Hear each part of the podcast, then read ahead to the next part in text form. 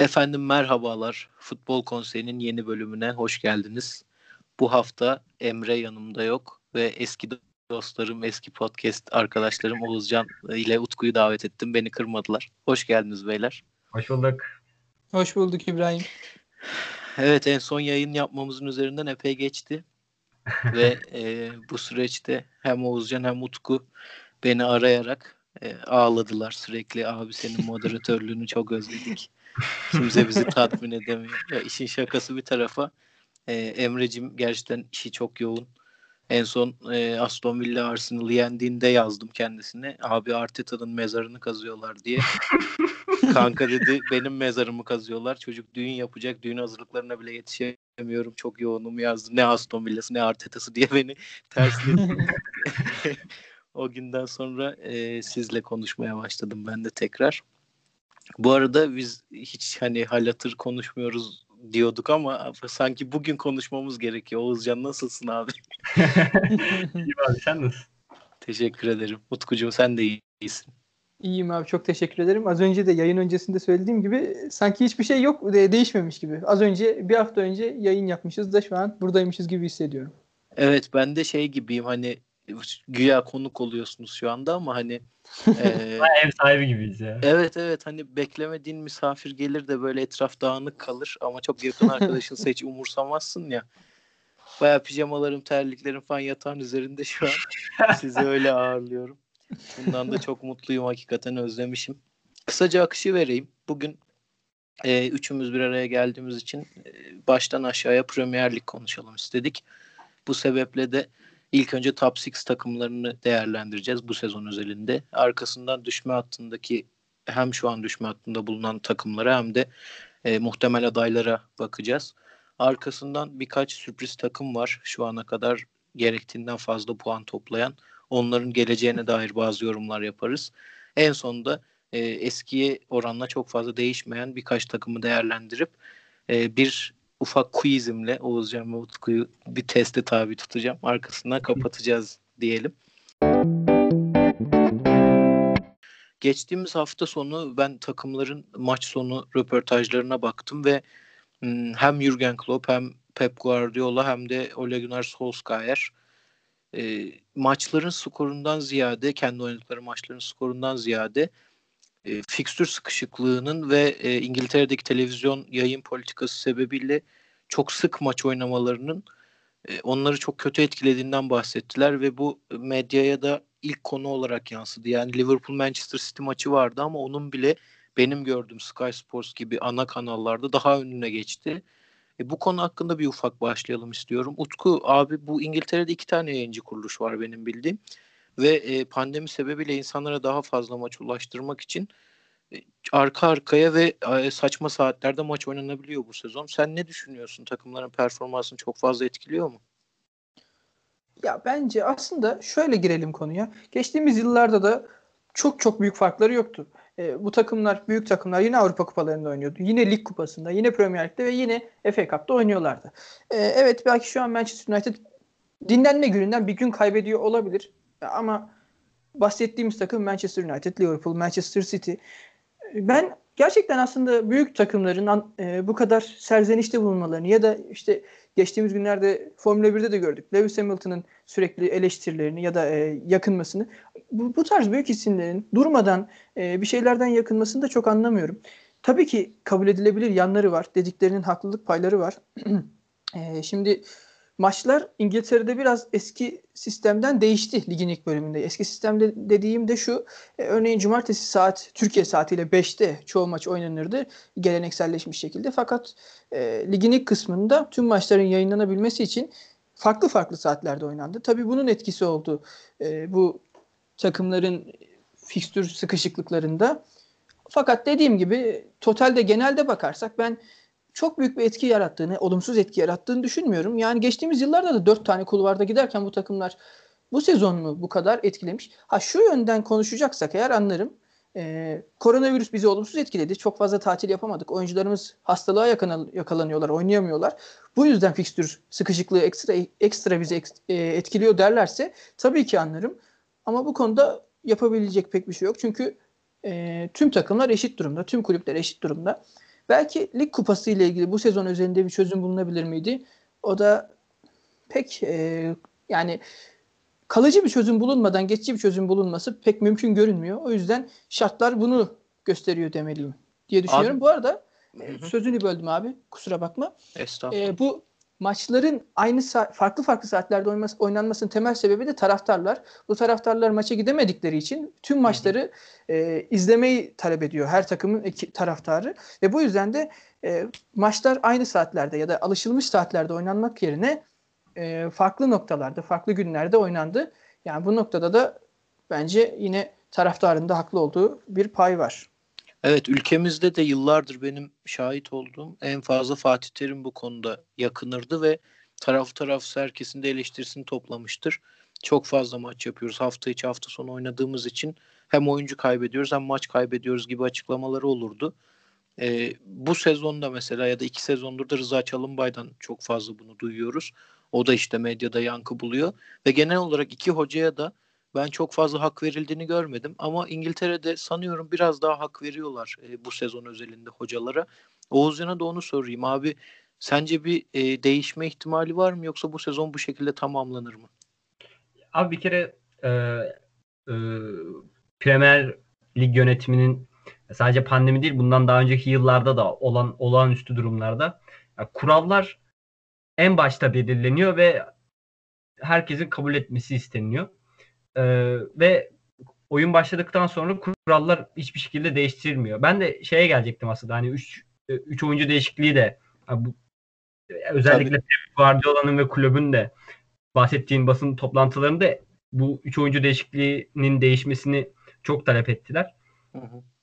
Ee, abi evet e, olağanüstü durumlar var. E, rotasyon nispeten zayıf. Çünkü oyuncular pozitif çıkıyor ve maçlar daha yoğun. Hem pandemi dolayısıyla hem Premier Lig'in kendi yoğunluğu hem takvim de sıkışık. Ee, fakat abi ben bu, bu konuda e, bu kadar çok hak veremeyeceğim. Neden? Çünkü e, öncelikle hani kurallar zaten lig oynanmadan belliydi ve bunu 20 takım kabul etti. Ve hani pozitif çıkan oyunculara yapabilecek hiçbir şey yok. Ya bu tamamen bireysel bir şey. Ya oyuncunun kendi elinde. Ee, bir daha abi çok ya bilmiyorum size saçma gelecek ama benim şöyle bir görüşüm var. Ee, biliyorsunuz Premier Lig takımlarının bir U23 takımları var. A2 takımları. Ve hı takımlar da kendi aralarında ligler oynuyor. Ee, abi Liverpool mesela sürekli sakatlık haberi çıkıyor işte vesaire vesaire. Abi Liverpool U23 takımı şu an ligde ikinci. Hatta maç eksiğiyle yani normaldeki normalde en iyi takım. Yani Liverpool'un bir alt takımı kendi devresinin en iyisi ve mesela Klopp, e, Neco Williams ve e, Curtis Jones hariç neredeyse hiç, hiçbirini kullanmıyor. Hatta birkaç oyuncu sattılar veya kiralık verdiler. E, Manchester United, Chelsea de böyle. Chelsea de zirveye oynuyor. Yanlış hatırlamıyorsam. Ama Manchester City de özellikle hani e, Pep çok dile getiriyor bunu. Yani 3 oyuncu değişikliği vesaire. E, tane stopere zaten bench'e alıyor oyuncum yok diye. Ama mesela saçma sapan U23 takımdaki saçma sapan isimler böyle saçma sapan paralar kazanıyor. Mesela şöyle bir stratejisi var Manchester City'nin. Ya konu çok dağıldı. Toparlayacağım. Mesela 16 yaşında Fransa'da parlayan bir çocuk var.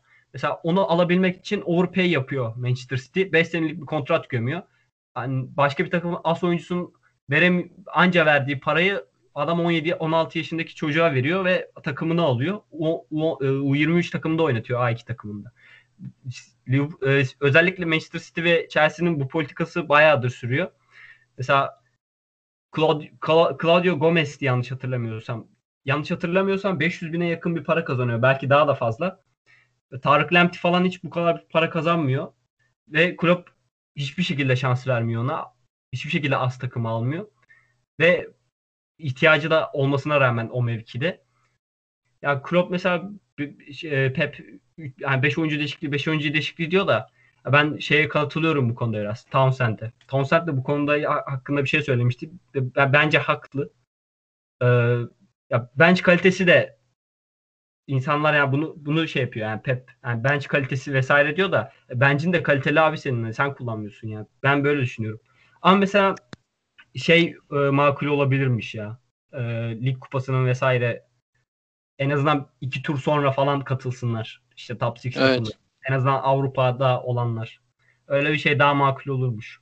Bu noktada abi sen Townsend'den bahsettin. Benzer bir sitemi de Tony Kroos'tan duyduk. Ee, basında çıktı. Sanıyorum kardeşiyle yaptığı bir podcast'te söylemiş. Ee, biz aslında oyuncular olarak kuklalar gibi davranılıyoruz ve nereye götürürlerse oraya gidiyoruz. İşte Uluslar Ligi'nden vesaire şikayet ediyordu o da. Ee, her tarafın kendine göre bir haklılık payı var diyerek aşırı politik bir şekilde o konuya noktayı koyuyorum. birazcık Oğuzcan'ın bıraktığı yerden aslında Liverpool'la devam etmek istiyorum. Dediğim gibi geçtiğimiz sezonun şampiyonu aslında bu takım ama e, benim her zaman eleştirdiğim bir noktası vardı Klopp'un. Bu dar kadro isteğini bir türlü anlamlandıramıyordum. Üzerine bu sezon hakikaten e, aksi gibi arka arkaya gelen sakatlıklar, korona e, tespitleri vesaire derken ufacık bir kadrosu kaldı elinde.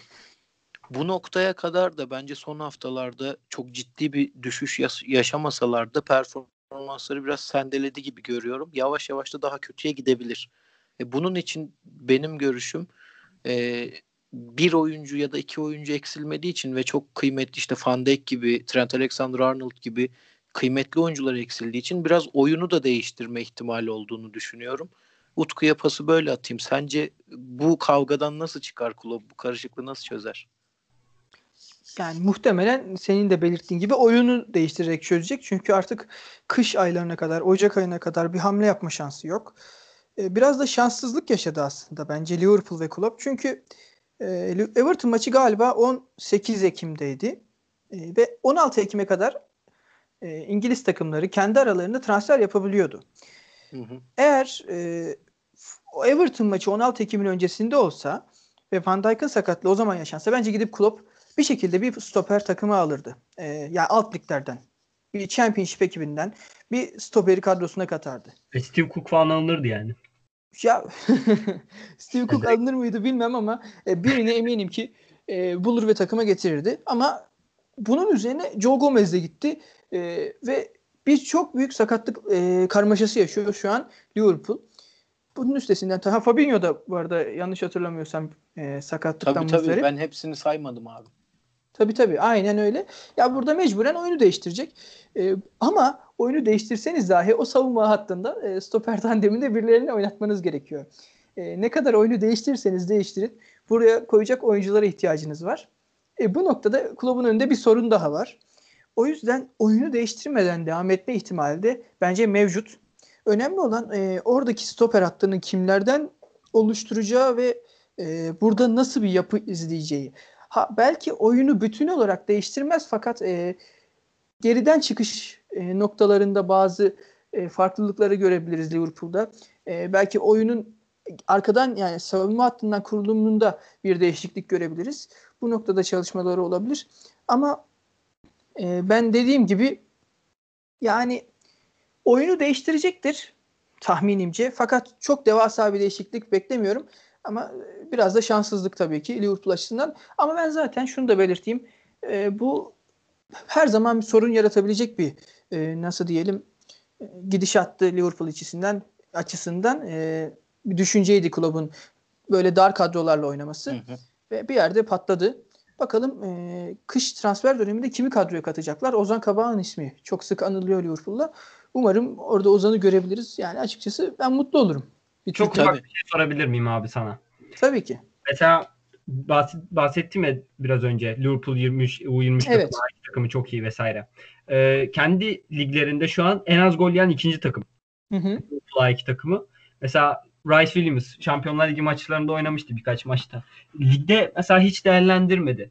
Bu kadar yaşını, yaşına göre nispeten başarılı oyuncuyu değer e, değerlendirmemesi yani saçma Ee, geliyor bana. Sen ne düşünüyorsun?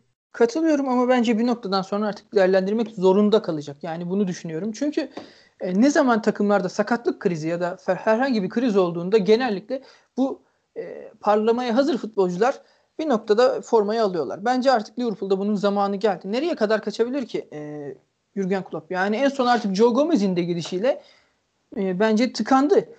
Yani burada hiç değilse yedekte bekletecek ya da sonradan değerlendirmeniz gerekecek, gerekecek oyunculara ihtiyacınız olacak ve bence e, bir noktada artık bu nasıl diyelim duvar kırılacak. Bence U23 takımından Premier Lig'de oynayabilecek oyuncular göreceğiz ilerleyen süreçte.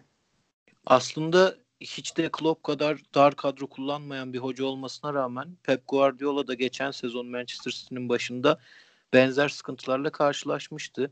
Özellikle savunma hattında çok fazla oyuncusu aynı haftalarda e, çok fazla oyuncusundan yoksun e, çıktı sahaya ve belki de bu sebeple çok erken yarıştan kopmak durumunda kaldı. Ama e, bu sezon öyle bir sıkıntı yaşamamalarına rağmen onların da çok kötü başladığını görüyorum ben. Özellikle birkaç maçlarında 90 dakika izledim arka arkaya. Hakikaten kötü bir oyunları var. Hani Pep Guardiola'dan beklemediğimiz e, tarzda reaksiyon vermekten oldukça uzak bir ta- takım görüntüsündeler. Bir de hocanın son sezonu benim aklıma direkt o geliyor. İşte Kevin De Bruyne gibi birkaç oyuncunun daha Agüero gibi soru işaretli olan hem sözleşmeleri hem sakatlık durumları oluyor. E, dolayısıyla biraz da burayı konuşalım istiyorum. Bu sefer Oğuzcan'dan başlayalım. Abi e, Manchester City'nin sezon gidişatını nasıl buluyorsun? Sence yine şampiyonla oynayabilirler mi? Abi dediğin gibi geçen sene en büyük sorun e, yaşanan sakatlıklardı. Şampiyonluk e, çok çok erken koptular çünkü. Ya sakatlık bence bir numaralı sebepti. E, ya ben City'nin kadrosunun bu kadar dar olduğunu düşünmüyorum. Dediğim gibi birkaç tane overpaid yaptıkları oyuncu var U23'te. Ya az çok takip ediyorum. Ya bir de mesela birkaç oyuncu kiraladılar. Kiralamak yerine az takımda şans verilir miydi? Bilmiyorum. Ee, hoca en son şey yapmıştı hani geçen sene. Rodri'yi falan e, Fernandinho'yu stoperde kullanmıştı. Ya böyle kısa kısa vadeli çözümler e, makul olabilir. Ama mesela e, şampiyonluk yolunda çok çok büyük etki eder mi bu böyle küçük çözümler? Yani zarar verir mi şampiyonluğa? Ya ben sanmıyorum. Geçen sene Manchester City çok çok amşan bir futbol oynamıyordu. Ya Şampiyonlar Ligi'nde de gördük bunu. Ya elbette bir maçla okumak çok doğru değil ama Manchester City geçen sene zirvede değildi yani. Ben bu sahada anlayabiliyordum bunu. Bir de abi Guardiola e, az oyuncu kullanıyor. Gerçekten çok çok az oyuncu kullanıyor. Neden bu kadar az oyuncu kullanıyor anlamıyorum. E, mesela Eric Garcia'yı geçen sene pandemiden sonra çok oynatmıştı. Bu sene neredeyse hiç oynatmıyor. Herhalde sözleşme yenilemiyor diye. Bilmiyorum. John Stones ilk, ilk aldığı sene falan suyunu çıkarmıştı John Stones'u. Geçen sene tamamen kesti. Ee, bir ara Zinchenko adamıydı. Zinchenko her maç oynatıyordu. Sol bekte işte orta sahada birkaç maç sağ ön oynatmıştı. Onu da oynatmıyor. Mendy aynı dediğim gibi. En son hatta Mendy de tamamen kesti. Cancelo'dan sol bek yaptı. Yine Mendy'yi oynatmıyor. Ya ben biraz da oyuncu ter, yani oyun, e, hocanın oyuncu tercihleriyle alakalı olduğunu düşünüyorum bu kadar e, kadronun istikrarsız olmasının. Ya bir hoca evet. da bir şeyler yapabilir yani. Aslında totale bakınca çok oyuncu oynatmış gibi görünüyor ama senin söylediğin gibi dönemsel olarak çabuk vazgeçip çabuk evet. e, birilerine bağlı kalabiliyor ki şu dönemde de en büyük örneği herhalde Kyle Walker.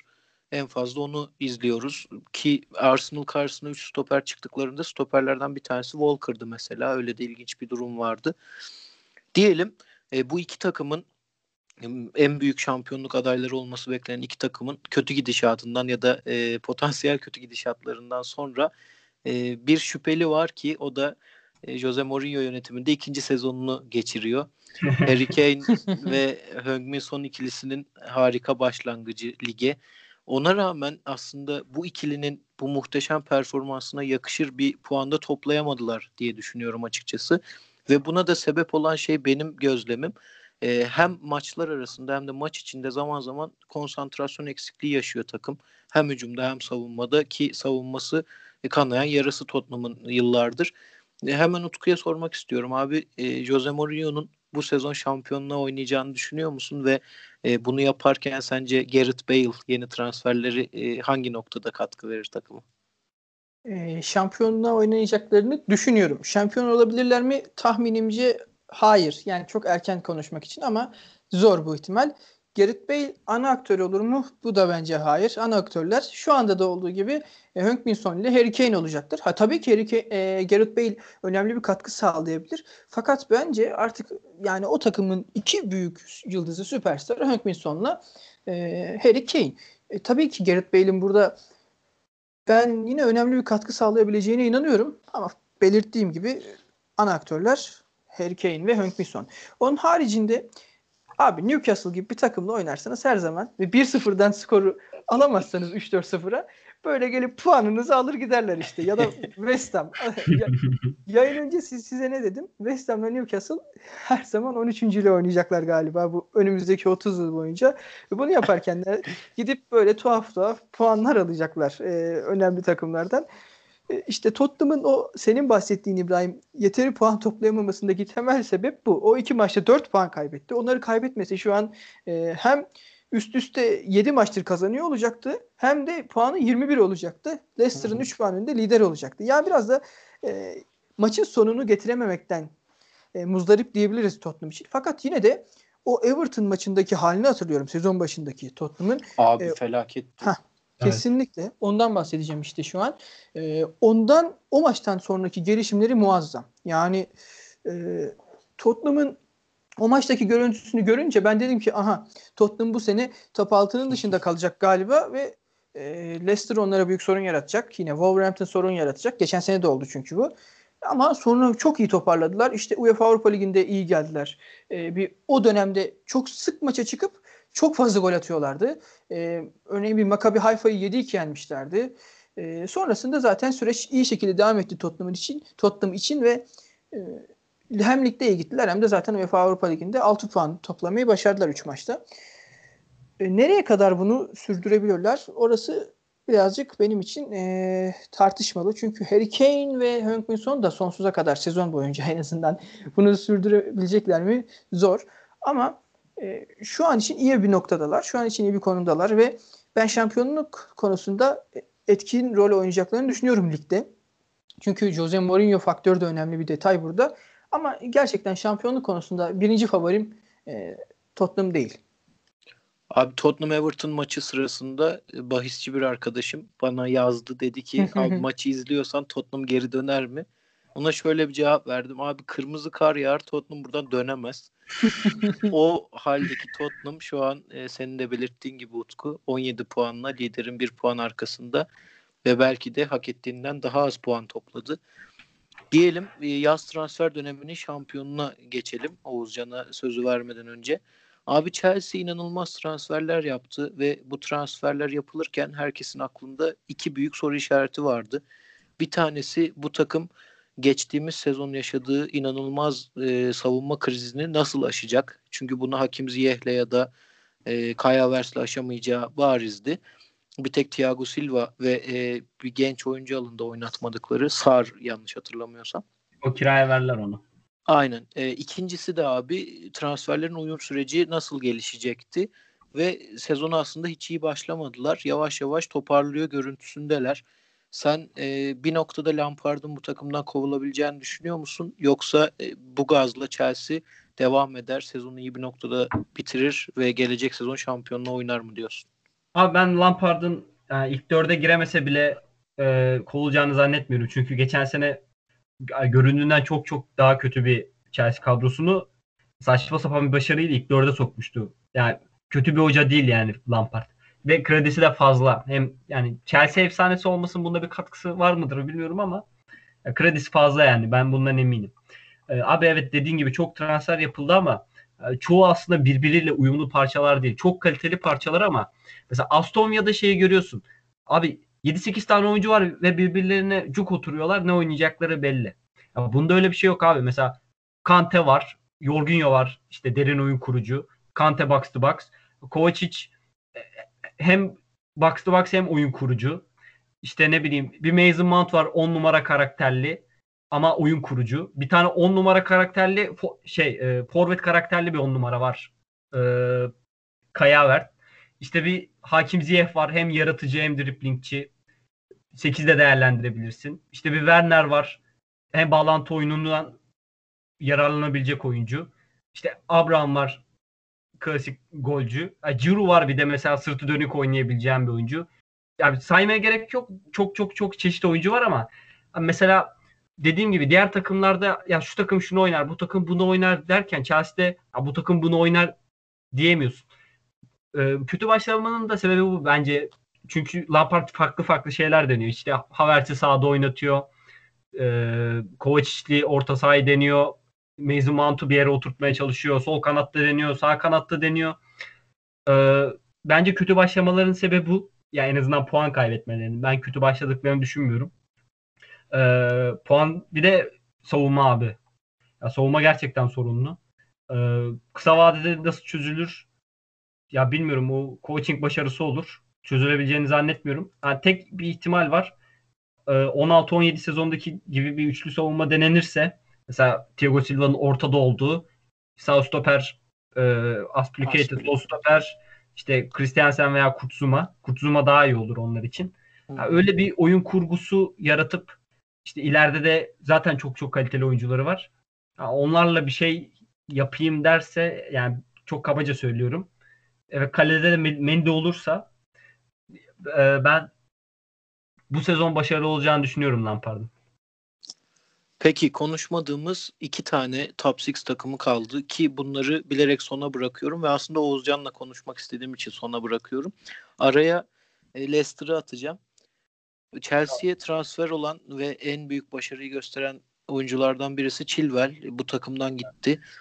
Geçtiğimiz sezon e, Chilwell takımdayken sakatlandığında ya da kadroda olmadığında bunun yanına Wilfred Ndidi, Çağlar Söyüncü gibi isimleri hatta e, eşinin doğum yapması sebebiyle sizle çok konuşmuştuk. Jamie Vardy'nin e, eksik kaldığında Leicester çok sıkıntı yaşıyordu. E, maç kazanmakta, maça hükmetmekte. E, açıkçası biraz eziliyordu rakipleri karşısında. Fakat bu sezon e, gerek transferleri gerek takıma dönememeleri sebebiyle yine bu tarz oyunculardan eksikler. Bir tek Wardy e, oldukça fazla sahada kalıyor. E, ama geçtiğimiz sezon oranla çok daha iyi bir oyunları var bence ve çok daha sağlam basıyorlar yere ve şu anda da liderler. Sevgili Utku, bütün bunların dışında e, bir de harika gençler çıkarmaya devam ediyor Brandon Rodgers. Cengiz de e, bizim e, e, Türk olarak oraya katıldı. Bizim milli takımımızın oyuncusu. Tüm bunların ışığında senden açıkçası bir Brandon Rodgers övgüsü bekliyorum abi. Brandon Rodgers Premier Lig'de kahraman olmaya doğru ilerliyor. Ee, şöyle Liverpool'da şampiyon olamadı belki o zamanında fakat e, Liverpool'u yıllar sonra şampiyonluğa en çok yaklaştıran menajer olmuştu. Şimdi de Leicester'da inanılmaz bir hikaye yazıyor. E, Leicester'ın hedefi şampiyon olduktan sonra ilk önce Premier Lig'deki varlığını sağlamlaştırıp ardından önümüzdeki 4-5 yıl içerisinde Şampiyonlar Ligi'ne geri dönmekti. Geçen sene Şampiyonlar Ligi'ne geri dönmeye çok yaklaştılar fakat olmadı. E, Avrupa Ligi'ndeler. Belki de onlar için daha hayırlı oldu bu Avrupa Ligi'nde oynama meselesi. Ve bu sene e, bence yine ilk dört için önemli bir aday olma yolunda ilerliyorlar. Senin de az önce belirttiğin gibi İbrahim e, çok sağlam basıyorlar yeri. Evet geçen sene biz özellikle Leicester'ı sezon başında mükemmel görmüştük. E, hı hı. Neredeyse hiç fire vermeden uzun süre ligi götürmüşlerdi ligin ortalarına kadar. Fakat sonrasında düşüş yaşamışlardı. E, biraz da benim merak ettiğim konu o. O düşüş yine gelecek mi? Ama şunu da ekleyelim. Brandon Rodgers işini bu sezon biraz daha sağlam alıyor. Wesley Fofana hamlesi özellikle Çağlar'ın sakatlandığı bir dönemde e, zaten Wesley Fofana'yı Fransa Lig 1'i takip edenler çok yakından bilecektir. E, çok çok mantıklı, iyi bir seçenekti. Harika da bir e, nokta ateşi transferi oldu Leicester için. E, Cengiz'in transferi de açıkçası ben mutlu oldum ve doğru e, takımı seçtiğini düşünüyorum. E, bizim milli oyuncumuz adına. E, çünkü Çağlar orada Çağlar'la ilişkisi iyi. Bu işin bir tarafı sadece. E, Brandon Rodgers gençlerle uyumu harika olan ve oyuncu yetiştirme konusunda iyi olan bir menajer. Leicester e, bir top altı takımına göre üzerinde baskı az olan kulüp olarak ama hedefleri top alt takımlarıyla, top 6 takımlarıyla örtüşen bir kulüp. Bu top altı meselesi de MP3 gibi oldu ama e, e, bu top 6 takımlarıyla e, uyuşan bir kulüp. E, bu her açıdan baktığımızda Cengiz için yeniden doğuş demeyelim de tekrar kendisini bulması adına iyi bir seçenekti. Nitekim çok da iyi gidiyor bence. Yaptığı asistlerin yanı sıra oyuna verdiği, oyun içinde verdiği katkı da gayet iyi. zamanla daha iyi noktalara gelecektir. Ben ligin ortalarından itibaren Cengiz'in e, işler yolunda giderse bu takımda değişilmezlerden olabileceğine inanıyorum. Evet, hoca onu transfer ederken basın toplantısında bizim hıza ve farklı bir oyuna ihtiyacımız var demişti. Umarım Cengiz hem onlara hız katar hem de kendi kariyerinde hızla yükselmeye devam eder diyelim. Diğer iki takım e, geride bıraktığım, sona bıraktığım Oğuzcan'a soracağım. Manchester United ve Arsenal. Bunları bil, bilerek bir arada soruyorum ki abi bence e, çizdikleri grafik çok benzer. Özellikle hocaları e, itibariyle hem Solskjaer hem Arteta zaman zaman yükselen zaman zaman alçalan ilginç form grafiklerine sahipler. Ve benim açıkçası kişisel görüşüm sezon boyunca bu gidişatı iki takım da çok fazla değiştiremeyecek. Ve iki hocanın da sen Lampard'da biraz bahsettin ama e, Solskjaer'le Arteta'da da benzer bir durum var. Kredileri bence yüksek. Hatta Arteta'nın gereksiz yüksek olduğunu düşünüyorum. Evet kesinlikle. E, ayrılmayacaklar takımdan ve ilk 10 yani 9-8 civarında çok büyük sürpriz olmadıkça takılacaklarını düşünüyorum. Sen ne dersin? Hangisiyle başlayayım? Beraber abi istediğin gibi. Tamam. Ee, abi United Arsenal maçını hatırlıyoruz. Ya iki, o, iki hocayı da böyle anlatmak için o maç yeterli sanırım. ee, ya mesela Artet, Arteta yerine işte kim olsun? Unai Emery mesela. Unai Emery se- sezon başında gelmiş olsun. Ve takım böyle gitmiş olsun. Unai Emery gerçekten felaket eleştirildi. Evet. Cidden felaket eleştirildi. Ee, yani ben hani Emery'i savunmak istemiyorum da mesela Emery abi bu takıma Bukayo Saka'yı kazandırdı. İşte Vlo'u kazandırdı. Sebayos'u farklı bir şey denedi, oynattı. Aubameyang'ı kazandırdı. Dünyanın en iyi 3 forvetinden biri yaptı belki de. İşte Lacazette'i bir şekilde bağlantı oyunda kullandı. Martinelli'yi kazandırdı. Ee, şu an aklıma gelmiyordu. Birkaç oyuncuya gerçekten çok çok büyük tesir, tesir etti. Ee, Aben Arteta'da hani bir oyuncu gelişimi var mı? Arteta altında ya bu oyuncu bayağı iyi yani saçma bir yükselişi çıktı falan dediğim bir oyuncu yok. Tam tersi hatta mesela Aubameyang tamamen yatmaya başladı. Ee, savunma zaten Allah'a emanet. Ya oyun desen de yok. Mesela bakıyorsun sahaya yani Arsenal Arteta Ball diye bir şey var mı? Ya çok mesela 2-3 tane set var. Ee, birinin böyle üçlü savunma oynarken sol iç çizgiye iniyor. İşte topu veriyor. Sol kanada uzun top atıyor Aubameyang'a. Yani birkaç tane böyle trik var ama çok bir oyun yok açıkçası. Ee, keza United'da da öyle. United da bu konuda çok benziyor. Abi ben bunu anlayamıyorum ya. Ya ikisinde geleli bir seneden fazla olmuş. Solskjaer'in iki buçuk hatta iki, iki mi üç mü oluyor? Yani iki, iki sene iki buçuk olması lazım. İşte abi bu süre abi bir oyunu oturtmak ve oynatmak için yeterli bence. Abi ben şey Graham Potter'ı çok övüyorum biliyorum ama abi mesela adam Trossard'la Mope'yle falan böyle saçma sapan bir top oynatıyor. Geri, yeri geliyor sana 30 dakika tek kale oynuyor. Sen de mesela işte Pogba var, Bruno Fernandes var, Van, Beek, Van de Beek'i almışsın. Kapanalım da hani bir şey kontra falan bulalım derdindesin. Ben bunu gerçekten anlamıyorum. Bu kabul edilemez bir şey. Özellikle hani Manchester United ve Arsenal'da kesinlikle kabul edilemez bir şey.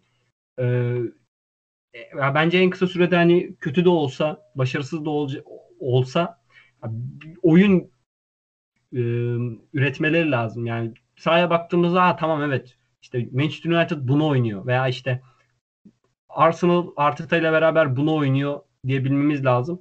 Ya bence bugüne kadar iki hoca da şunu ya bu cümleyi kurdurtamadı bize. Peki abi bu sefer Utku'ya dönmüyorum. Çünkü sen konuyu Brighton'a getirdin. Düşme hattına Brighton'la birlikte gireceğim. Sana soracağım özellikle. Şimdi bu sezon fazlaca Brighton izledim ben. Neden hiç bilmiyorum. Denk geldi ve hakikaten senin söylediğin gibi aslında hocayı öveceğimiz noktalar var fakat bu takım maç kazanamıyor. E, evet. Manchester United maçı çok ilginç bir maçtı. bir iki tane aynen ona benzer şey yaşadılar. E, ama sanki benim gördüğüm abi o üçlü savunma o ilerideki hattı kaldıramıyor gibi. Sen ne diyorsun? Abi üçlü savunmanın üçü de stoper olduğu zaman tempo yapamıyorsun ya. Hı hı. Öyle bir sorun var Brighton'da. Ee, hücum oyuncuları da tam tersi aslında çok tempolu. Yani Solly Marsh mesela eski takımlarında falan forvet oynuyordu. Ya burada mesela sol kanat bek oynuyor. Tarık Lamptey şu an uyum, İngiltere genç milli takımının az sağ beki. Ee, o da uçak gibi. Orta saha yani türlü türlü varyasyonlar deniyor. E, hepsi çok iyi oyuncu. Azate'den tut işte McAllister'a e, tek tek isim vermeyeceğim ama hepsi gerçekten iyi oyuncu. Hücumda da yani belli bir şey var. Mesela Mopey derine geliyor, topu alıyor. Trossard'a falan çıkarıyor. Ee, abi gerçekten böyle kelimelerle anlatamayacağım bir şey var ya. Bir baltsızlık mı dersin? bir nakıslık var yani. Ben söyleyeyim Ama, mi? Özkarsunsun başındayken bizi elediler. o gün o gün bugündür Graham Potter insanların ahını aldı onun cezasını çekiyor. Abi bir de şu var. Ee, ya şöyle Graham Potter'ın oynattığı oyun belli. Yani yüksek tempo topa sahip olma oyunu. Ee, bu oyunun en büyük avantajı rakibi eğer yani tempoyu yakalayabilirsen, yapabilirsen tempoyu rakibi gerçekten domine ediyorsun. Ama abi bu, bu oyunun bir eksisi var. Gerçekten o kadar yüksek tempoda e, topu kaleye sokmak gerçekten çok zor. Hani topa vurmak için işte 0.5 saniyen var ve hani doğru şekilde vurmalısın ki kaleye gitsin vesaire. Bu gerçekten zor. Hele mesela Trossard'la Möpe'yle falan çok çok zor. Hadi Trossard mesela gene iyi. Möpe tam kanser bu konuda. Şeye bağlayacaktım aslında. Ee, ya oyuncu kalitesi evet hani diğer takımlarla karşılaştır karşılaştırılamayacak kadar fark var. E, fakat hani ne de olsa bir oyun var ve bence hani bu Graham Potter'ın e, eleştirilmesi için bir sebep değil. Ama mesela birkaç e, ufak şey yapabilir miydi? Bence yapabilirdi. Mesela ne ne olabilirdi? Ha belki saçma bir örnek olacak ama mesela ben en son bu oyunu Türkiye'de en azından Ersun Yanal'lı Fenerbahçe'de görmüştüm. Ee, yüksek tempo topa, e, yüksek tempo topa sahip olma oyununu 13-14 sezonu. Mesela şey yapıyordu. E, orta sahadan bir adam çıkarıp bir forvet alıyordu. Yani o adam hiç oyun kurma işine, derine gelme işine falan karışmıyordu. Webo. Sadece hani ceza sahasında bitirmeye çalışıyordu. Ya tabii hani e, o Fenerbahçeli bu Brighton'ı kıyaslayacak değilim ama mesela bir poacher alınıp özellikle mesela Glenn Murray gibi e, Glenn Murray gönderilmeseydi vesaire. İşte böyle dakika 80 işte rakibi yığmışsın. Böyle savunmadan bir oyuncu çıkarıp ileri atsan mantıklı olmaz mıydı? Ya, bu, belki bu geliştirebilir. Onun dışında ben hocaya pek göremiyorum. Çünkü bir de ama Mopey gerçekten bazen bayağı saçma oluyor. Ta, yani tat kaçırıyor Mopey. Evet Brighton'dan aşağıya doğru iniyorum yavaş yavaş ve burada gözüme çarpan iki takım Fulham ve West Bromwich. Bunları Utku'ya soracağım ki zaman zaman alt ligde takip ediyorsun sen Utku. Oradan geldi iki takım bu sezon ama sanki ikisi de seviye atlayamamış gibi gözüküyorlar ve açıkçası e, iki takımın da maçları beni hiç heyecanlandırmıyor. Sahada yok gibiler. Bunu neye bağlıyorsun abi? Abi hemen söylüyorum ama sadece Brighton ile ilgili bir cümlem var. Hatta Tabii bir sorum. Ki. Graham Potter neden Newcastle'ı yendin abi? Yani bir galibiyetin var. Onu da yapmasaydın ya. Aynen. Onu da ya ligde bir galibiyetin var ya. Hani evet şu programda muhtemelen abi 50'den fazla soru soracağım program boyunca. En mantıklı soru buydu. Çok teşekkür ederim. teşekkür ederim abi. Hemen evet e, Fulham'la West Bromwich'e geçiyorum. Ya dediğin gibi ben aslında Premier Lig'den zaman zaman daha çok alt ligleri seviyorum İngiltere'de. E, İngiltere'de bir dönem özellikle Newcastle alt lige düştüğünde Championship'e alt ligleri daha fazla takip etmeye başlamıştım. Yani o dönem çok fazla ilgimi çekiyordu.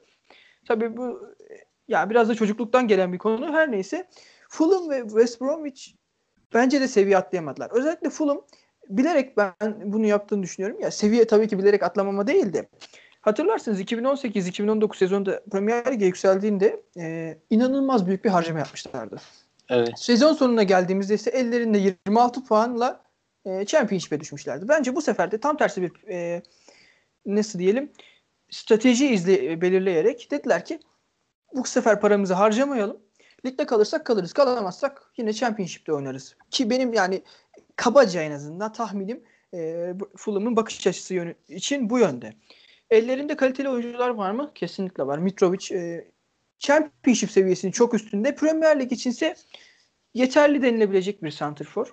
E, onun dışında Tom Kearney e, yine ben o noktalarda olduğunu düşünüyorum ama kadronun genel durumuna baktığımızda gerçekten Premier Lig için yeterli değiller.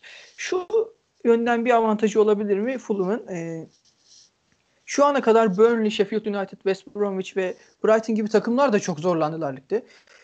Hala Sheffield United'ın ve Burnley'nin hatta Brighton'ın tabii ki yükselişe geçme ihtimali çok fazla. Fulham ve West Bromwich'e göre. Ama onlar beklenen çıkış yapamazlarsa Fulham aradan bir şekilde sıyrılabilir. Bir ihtimal bu yönde bir e, kurtuluşları olabilir. Kaldı ki Fulham son birkaç haftada biraz kıpırdandı. West Ham'dan da puanlarını alacaklardı eğer Lukman o mükemmel penaltıyı kullanmasaydı. Abi Panenka ya. O nasıl bir Panenka ya? Gözünü seveyim Lukman ya. yani hayır, o takımda Mitrovic varken gerçi Mitrovic de Sırbistan maçında kaçırdı. Sırbistan e, İskoçya maçında ama yani Mitrovic... Ya abi Lukman'ın penaltısında top yemin ediyorum varlığına şükrederek yani top olduğunu hatırlayarak hareketlendi. Yoksa top gitmeyecekti zaten. Abi kalede vurmadı yani.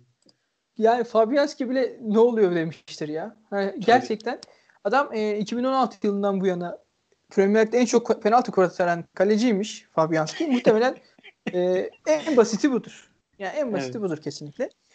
Bunun haricinde West Bromwich'e geçersek West Bromwich'te de aynı sorunla e, bence geçerli. Şimdi bonservisini aldılar bir iki oyuncunun. E, Pereira'ydı yanlış hatırlamıyorsam bonservisini aldıkları isimlerden biri.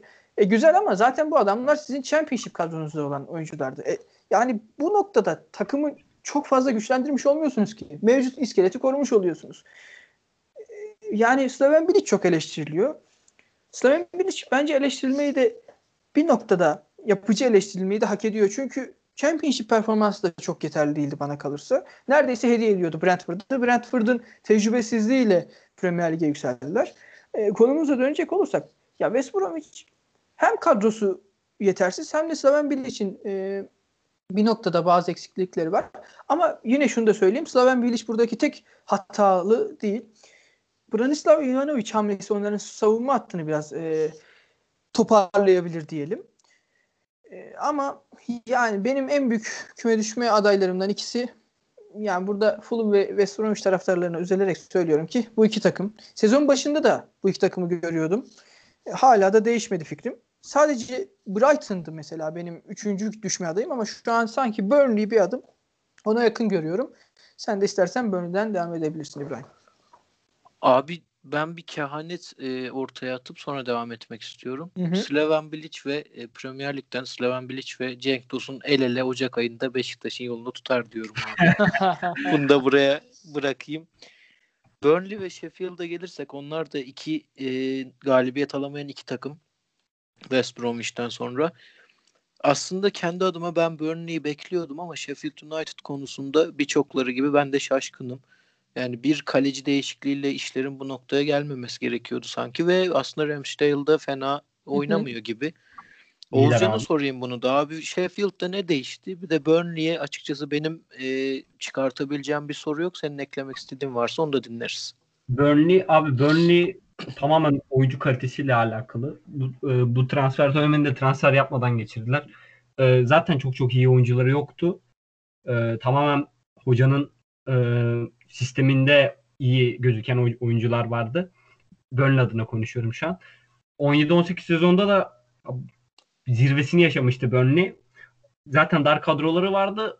18-19 sezonda hem dar kadro hem Avrupa çok saçma sapan sakatlıklar oldu. Difur'un kariyeri falan bitti böyle. O kadar saçma sapan sakatlıklar oldu. Ee, birkaç oyuncu da kaybettiler. Ee, e, bu şeyden kimdi? Nereye? Kimdi ya? Hendrick miydi? Ha Jeff Hendrick. Ha Jeff Hendrick. Nereye evet gitmiş? ya mesela Newcastle'a geldi ve sözünü böldüm Oğuzcan. Kusura Yok, bakma ama çok haklısın. Bu adamın yani sözleşmesini uzatamadan kaybetmek de çok mantıksız. Kaldı ki Bayağı. Burnley 12 milyon sterlin gibi bir yatırım yapmıştı herhalde. Öyle bir yatırım yapıp da bonservisiz kaybetmek çok akıllıca bir hamle değil. Kesinlikle öyle. Ee, Burnley ya dediğim gibi hani oyuncu hocanın sisteminde iyi oynayan birkaç oyuncu vardı. Onlar üzerinden oynuyorlardı. Yani bir pivot santrfor vardı işte kontratakta topu ona atıyorlardı. O tutup çıkan oyunculara koşu yoluna atıyordu. Ben şeye çok benzetiyorum hatta bu 4-4-2'sini. Simeone'nin 4-4-2'sine çok benziyor. Ee, J. Rodriguez böyle kısa boylu teknik Joao Felix Griezmann falan. ee, ya oyuncu kalitesi düşünce ister istemez şey puan tablosunda düşüyorsun yani. Mesela dediğim gibi bundan iki sene önce mesela Prime Hendrix oynasın mı oynamasın mı'dan e şimdi mesela Westwood oynuyor ya döndü. İşte Robbie Brady oynasına döndü. Ya öyle olunca da pek olmuyor. Puan, puan tablosunda olmuyor en azından. Ee, Ocak ayında bence birkaç transfer yaparlar. Yani ben hocanın kovulacağını düşünmüyorum. Ben hatta hocanın küme düşerlerse bile kovulacağını düşünmüyorum. Bence hocanın öyle bir kredisi var. Ama mesela alt ligde başarılı olur mu? Ha, bu da bir tartışma konusu. Sheffield'de de abi Sheffield geçen sene baya saçma sapan bir çıkış yakalamıştı. Geçen sene biraz ağlatıcıydı ama çünkü çok skor odaklı oynuyorlardı. Oyuncu kalitesi hiç bu seviyelerde değildi bence. Ee, şimdi yani birkaç biraz genç aldılar. Ee, biraz daha atletik, biraz daha hani böyle direkt oynayan bir takım. Geçen sene bu kadar direkt oynamıyordu. Ya yine direkt oynuyor da bu kadar direkt oynamıyordu. Ee, bence biraz şeyle alakalı bu. Hem biraz yeni takım e, ve farklı bir oyun. Ya biraz alışmaları alışmaları zaman alacak. Ama ben e, Sheffield'ın toplanacağını düşünüyorum. En azından savunmayı belli bir yere çektikten sonra hücumda da bir şeyler otur, oturunca daha iyi olacaklardır yani. Eminim bundan. Peki düşme hattına yavaş yavaş noktayı koyalım o zaman. Diğer takımlardan e, ben sürprizler başlığı altında not almıştım ama e, ilk başlayacağım takım yavaş yavaş yukarı sıralara doğru çıkacağım. Leeds United bulundukları sıralama çok sürpriz değil şu an itibariyle bence ama tırmanabilirler. Zira ben ilginç bir şekilde çok e, heyecanlı buluyorum maçlarını. Tabii Championship'te de izlemememin etkisi var Bielsa'nın takımını. Bu sezon e, birkaç maçını üst üste izledim ve hakikaten e, fikstüre baktığımda muhakkak açacağım maçlardan bir tanesi olarak işaretliyorum. Şaşırtan noktalardan biri de e, Patrick Bamford'un bitiriciliğine çok fazla güvenmiyorlardı skorerliğine ama çatır çatır gol atmaya başladı adam. E, Rodrigo çok işin içine giremedi. 8.5 falan da oynattığı oluyor onu. E, Utku'ya onu soracağım abi. Yani Bielsa'nın takımı heyecanlı eyvallah ama hani böyle sürekli çok gol atıp çok yediği maçlar mı izleriz yoksa bir noktada işte 10. sıralar gibi sabit kalır mı bu takım? Ee, ya benim tahminim sabit kalır.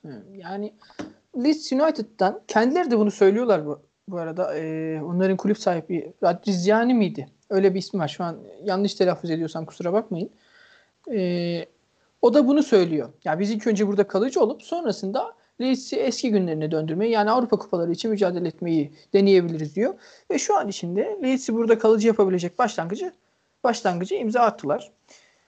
Açıkçası çok fazla bir beklenti içerisinde de girmemek lazım. Her ne kadar Leeds burada bazı maçlarda çok şaşalı bir görüntü çizse de e, çok umut edip heyecan verici oynasa da ya karşılarındaki ya da hani bir sonraki seviyeye atlayabilmeleri için önlerindeki rakiplerin kaliteleri belli. Ya kim bunlar? Wolverhampton mesela ya da Leicester olabilir, Everton olabilir. Ya bu takımların e, kadro kaliteleri ki menajer kaliteleri de gerçekten çok yüksek belli. O yüzden Leeds'in bir sonraki adım atabilmesi için önlerinde bence bir 2-3 yıllık bir e, süreç olacak gibi. Ama onun dışında da çok kümede düşme problemi yaşayacak gibi de durmuyorlar.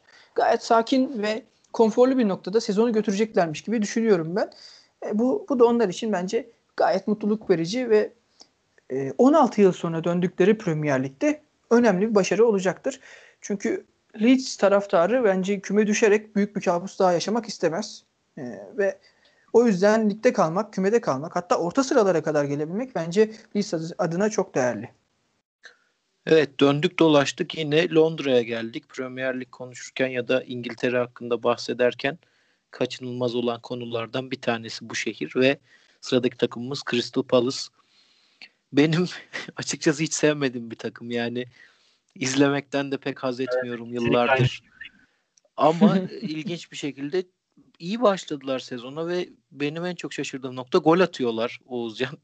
ee, geçen sezona oranla e, biraz bir tık daha fazla iyi olabilirler. Bir de Batu Şuay'den sanki tam istediklerini alamıyor gibiler. Sen ne dersin? Abi e, öncelikle şunu söyleyeyim. Gol beklentisi ve gol istatistiği var. İşte bir takım ne kadar gol beklentisine sahip ve kaç gol atmış.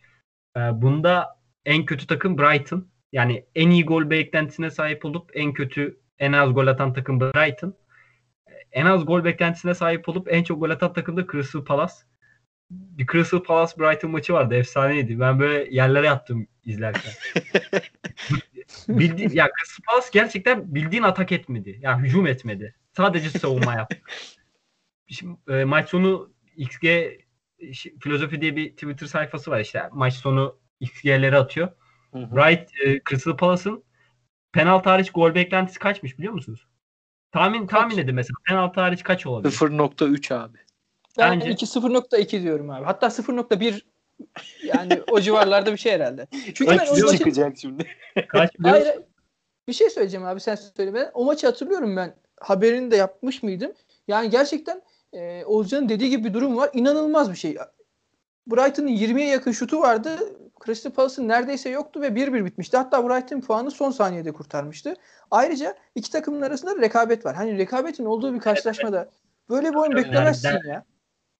Hem böyle ne bileyim ilginç bir durumda. Evet abi dinliyorum Oğuzcan. Abi e, Crystal Palace'ın isabetli şutu yoktu o maçta. Hı hı. E, gol de zaten penaltıdan gelmişti. Gol beklentisi penaltı hariç 0.0. Takım gol atmaya çalışmamış yani. Gol atmak namına hiçbir şey yapmamış.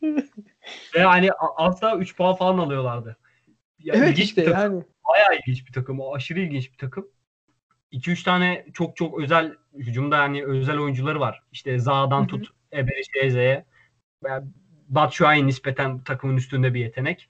İşte Jordan Ev yine yetenekli diyebileceğimiz bir oyuncu. En azından bu takım için. Birkaç tane oyuncunun ayağına çok fazla bakıyorlar. Ee, ya işler iyi gidiyor. Evet iyi başladılar. Bunu kabul ediyorum ama abi bu kesinlikle sürdürülebilir bir şey değil. Ben sene başında da en büyük küme düşme adayımdı benim. Ben Crystal Palace'ın kesin düşeceğini düşünüyordum. Çünkü kadro kalitesi de hiç iyi değil. Mesela eskiden savunmada mesela Sako hızlı falan da. Yani tamam yine çok amşan bir futbolcu değildi ama hızlı falan da mesela artık o hızını falan da kaybetmiş. Geri Geri Cahill savunma lideri falan yani 34 yaşındaki Geri Cahill. Ya ben e, tünelin sonu karanlık bence e, Crystal Palace adına. İşler iyi gidiyor olabilir evet yani bunu kabul ediyorum. Biraz da pandemi böyle takımlara çok yaradı. Çünkü diğer takımlar sürekli bir sirkülasyon içinde. E, Crystal Palace'ın bir kemik kadrosu var ve yani her hafta aynı kadro çıkıyor maçlara. Ama ben bu kesinlikle sürdürülebilir bir şey değil bu. Roy Hodgson hocam futbol menajerda meta tutturmuş gibi abi. Hakikaten ligin şifrelerini almış eline. Devam ediyor Premier Lig'de. Dedikten vurucu, vurucu analizini yapayım. Tabii. Bitireyim. Ee, bence Crystal Palace bu sene küme düşer. bu sene küme düşer. Roy aslında emekli olur. Hocama güzel bir emeklilik hayatı diliyorum. evet ben de sana bundan sonra e, Erman Toroğlu'nun yanında keyifli yayınlar diliyorum. Diğer sürpriz olarak yazdığım takım Everton. Aslında şu an bulundukları noktada çok sürprizlik bir şey kalmadı ama e, sezona başlangıçları herkesi büyüledi. Özellikle Utku da bahsetti Tottenham konuşurken. Müthiş bir maç, müthiş bir oyundu. Arkası da geldi açıkçası. Ee, özellikle Dominic Calvert-Lewin, e, yeni transferleri James Rodriguez, Dokure, Alan gibi e, bireysel olarak harika performanslar gösterdiler ve bir anda İngil e, İngiltere futbolunu takip edenler Ancelotti övmeye başlamıştı ama bir noktada düşüş yaşamaya başladılar. Utku sence bunun sebebi ne? E, temel sebebi ve ne civarda bitirirler ligi? Ya ben sezon öncesinde 9 diye tahmin etmiştim ama sanki şu an e, 9 değil de bir 7'ye falan yakınlaş falan yakınlaşacaklarmış gibi. Hani hala ben ilk 4 şanslarının pek olduğunu sanmıyorum. İlk 6 ihtimalleri yine düşük ama bu önümüzdeki yıllar için e, neler yapabileceklerini gösteren bir başlangıç oldu. Düşüşler tabii ki olabilir. Yani her takım düşüşler yaşıyor. Zaten o yenildikleri maçlarda da e, iki, biri Southampton ve diğeri Manchester United'a karşıydı. Diğeri de e, e, değişik bir takım olan Newcastle'a karşıydı abi. Az önce de bahsettik. E, yani o yüzden çok da ben bir sorun olduğunu sanmıyorum ama Ancelotti de kariyerinde 14 yıl sonra yanlış hatırlamıyorsam ligde üst üste 3 maç kaybetmiş. Yani e, onun için de ilginç bir istatistik bu. Ama şimdi önlerinde güzel bir maç var. Hatta fikstür var. E, şey milli aradan dönüşte. Kimle oynayacaklar? Fulham deplasmanına gidecekler. İçeride Leeds'le oynayacaklar. Sonrasında Burnley deplasmanına gidecekler. Bence burada Everton'ın kendine gelmesi adına çok güzel 3 maç. E, kaldı ki sonra Chelsea, Leicester, Arsenal'la oynayacaklar. Burası bu fikstürden önce de zaten puanları toplaması gereken bir noktada olacak Everton. Bahsettiğim gibi yani düşüşlerin olması normal. Hele ki bu tarz takımlarda işte e, Richarlison gibi bir adamını kaybettikten kaybetmekten kaybettikten sonra ve e, yine James Rodriguez'in olmamasıyla ani maç kayıplarının yaşanması da e, bence çok şaşırtıcı değil. Bu oyuncuların dönmesinin ardından Everton biraz daha kendini bulacaktır. Ama sezon içinde yine kilit oyuncuların sakatlıklarını ya da cezalı olmalarını görürsek Everton böyle sert düşüşler yaşayıp biraz istikrardan kopabileceği fakat e, ligi ilk 7 ilk 8 içerisinde tamamlayıcı tamamlayabileceği bir noktada olacaktır diye düşünüyorum. Evet Everton'un bahsettiğin 3 maçlık periyottan 15 puan falan çıkarmasını bekliyorum bu arada. Hakikaten müthiş bir fikstürle dönüyorlar milli aradan. Sonrasında Leicester Chelsea biraz hırpalayabilir. Arsenal'la toparlanacaklardır diyelim. ee, sıradaki takımımız Aston Villa. Benzer şekilde aslında çok fazla e, övülen takımlardan bir tanesi. Geçtiğimiz sezonun aksine müthiş başladılar ya çok saçma bir yerde bitirmişlerdi e, ligi. Ama herhalde en fazla konuşulan konular Grealish'in e, bu takıma yaptığı liderlik, e, Barkley transferi ve Oli Watkins diye düşünüyorum. Bunu da Oğuzcan'a soralım. Abi ne değişti geçen sezondan e, Aston Villa'da? Abi geçen sezondan öncelikle savunma daha iyi, çok daha iyi. Kalede kaleci var. Bayağı fark ediyor. Yaklaşık 10 sıra kadar fark ediyor kalede kaleci olması. hani istikrarlı bir kadro var artık. Hani görüyorsun mesela geçen sene çok farklı şey denemişlerdi. İşte 4-3 denediler, 4-2-3-1 denediler. Bir ara üçlü savunma denediler. Kaleci, ve kaleci sürekli değişiyordu. Ya hatırla yanlış hatırlamıyorsam geçen sene 5 farklı kaleciyle falan oynadılar. 5 farklı kaleci forma giydi kaleye. Yani bir istikrar var bu sene. Ve abi oyuncu kalitesi arttı yani. Mesela Metikeş çok çok iyi bir sabek. Yedeği işte Gilbert. Orta sahada Rose Barkley gibi bir yaratıcı oyuncu var. Geçen sene bu yaratıcı oyuncuları yoktu. Yani şey sol kanatta oynuyordu çünkü. Yani Grealish hiçbir zaman orta sahada oynatmadı. En Çok fazla da yalnız kalıyordu bu arada Grealish. 10 numara oynadı. Aynen öyle. Çünkü 4-2-3-1 oynadığı zaman arkada Douglas Luiz ve Josh McKean yapıyordu. Yani ikisi de hani çok iyi oyuncular ama yaratıcı oyuncu değiller. Hani böyle tamamen şeye bakıyordu yani. E, Grealish'in eline bakıyordun. Bu sene biraz daha yani hücum planı var. Hani ne yapacağı belli. Veya işte topa sahip olmak zorunda kaldıkları zaman 2-3 tane yaratıcı oyuncuları var. E, alan bulduklarında değerlendirecek oyuncuları da var. Bertrand Traore'yi falan transfer ettiler. Kadro kalitesi gerçekten gözde görülür derecede arttı. Bence çıkışın en büyük sebebi de o. Ama geçen sene de bence kadro kalitesi çok çok kötü değildi. Yani en azından küme düşmemeye oynamamalıydı. Bu sene evet iyi gidiyor ama ben Dean Smith'in çok çok iyi bir hoca olduğunu düşünmüyorum. Ee, bu sene olmasa da birkaç sene içinde bence yolları ayrılır. Çünkü Aston Villa'nın potansiyeli bence çok yüksek. Ya bir şey olabilir yani Aston Villa. Nasıl desem. Ee, bir Leicester olabilir yani. Bu potansiyeli var Aston Villa'da.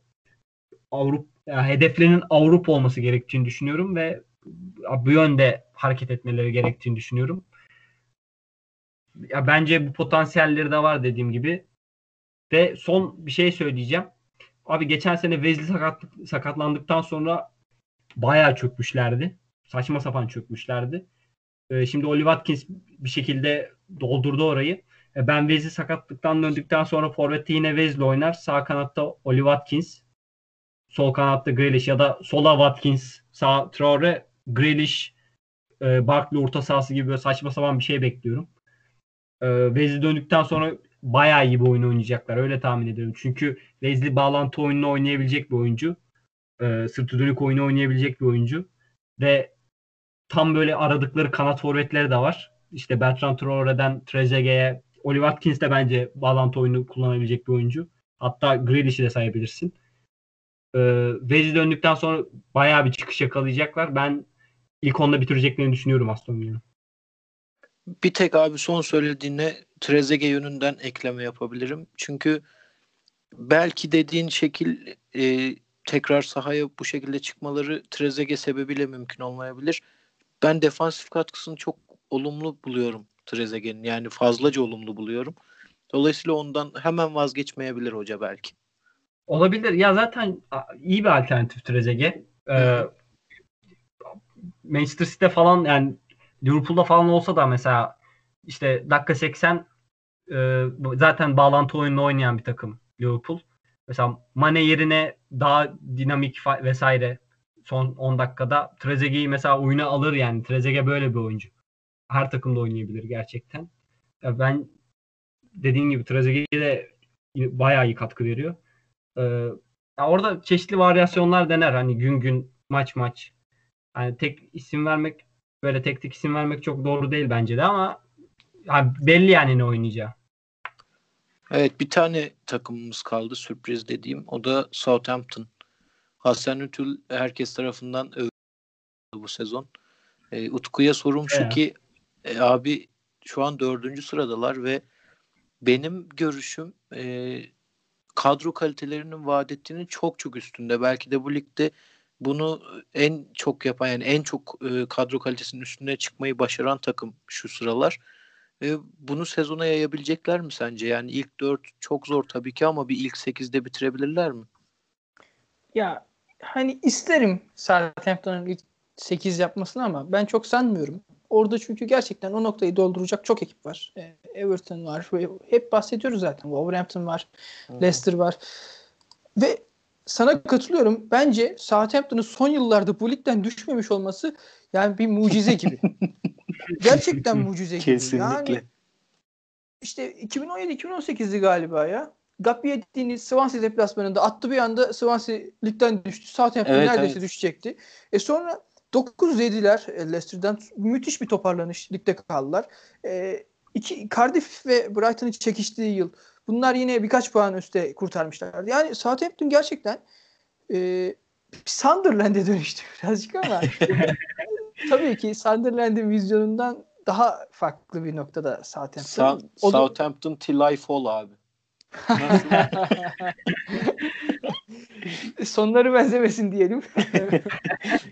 Ee, işte ya şu noktada tabii onların vizyonu çok fazla. Farklı, olumlu anlamda çok daha farklı noktada Sunderland'e göre. Yani şu, kanıtlayan noktalardan biri de şu. 0 yenildikten sonra üstüne o e, geçtiğimiz yıl 9-0'ın ardından birkaç maç daha kaybetmişken menajerinizi kovmuyorsunuz.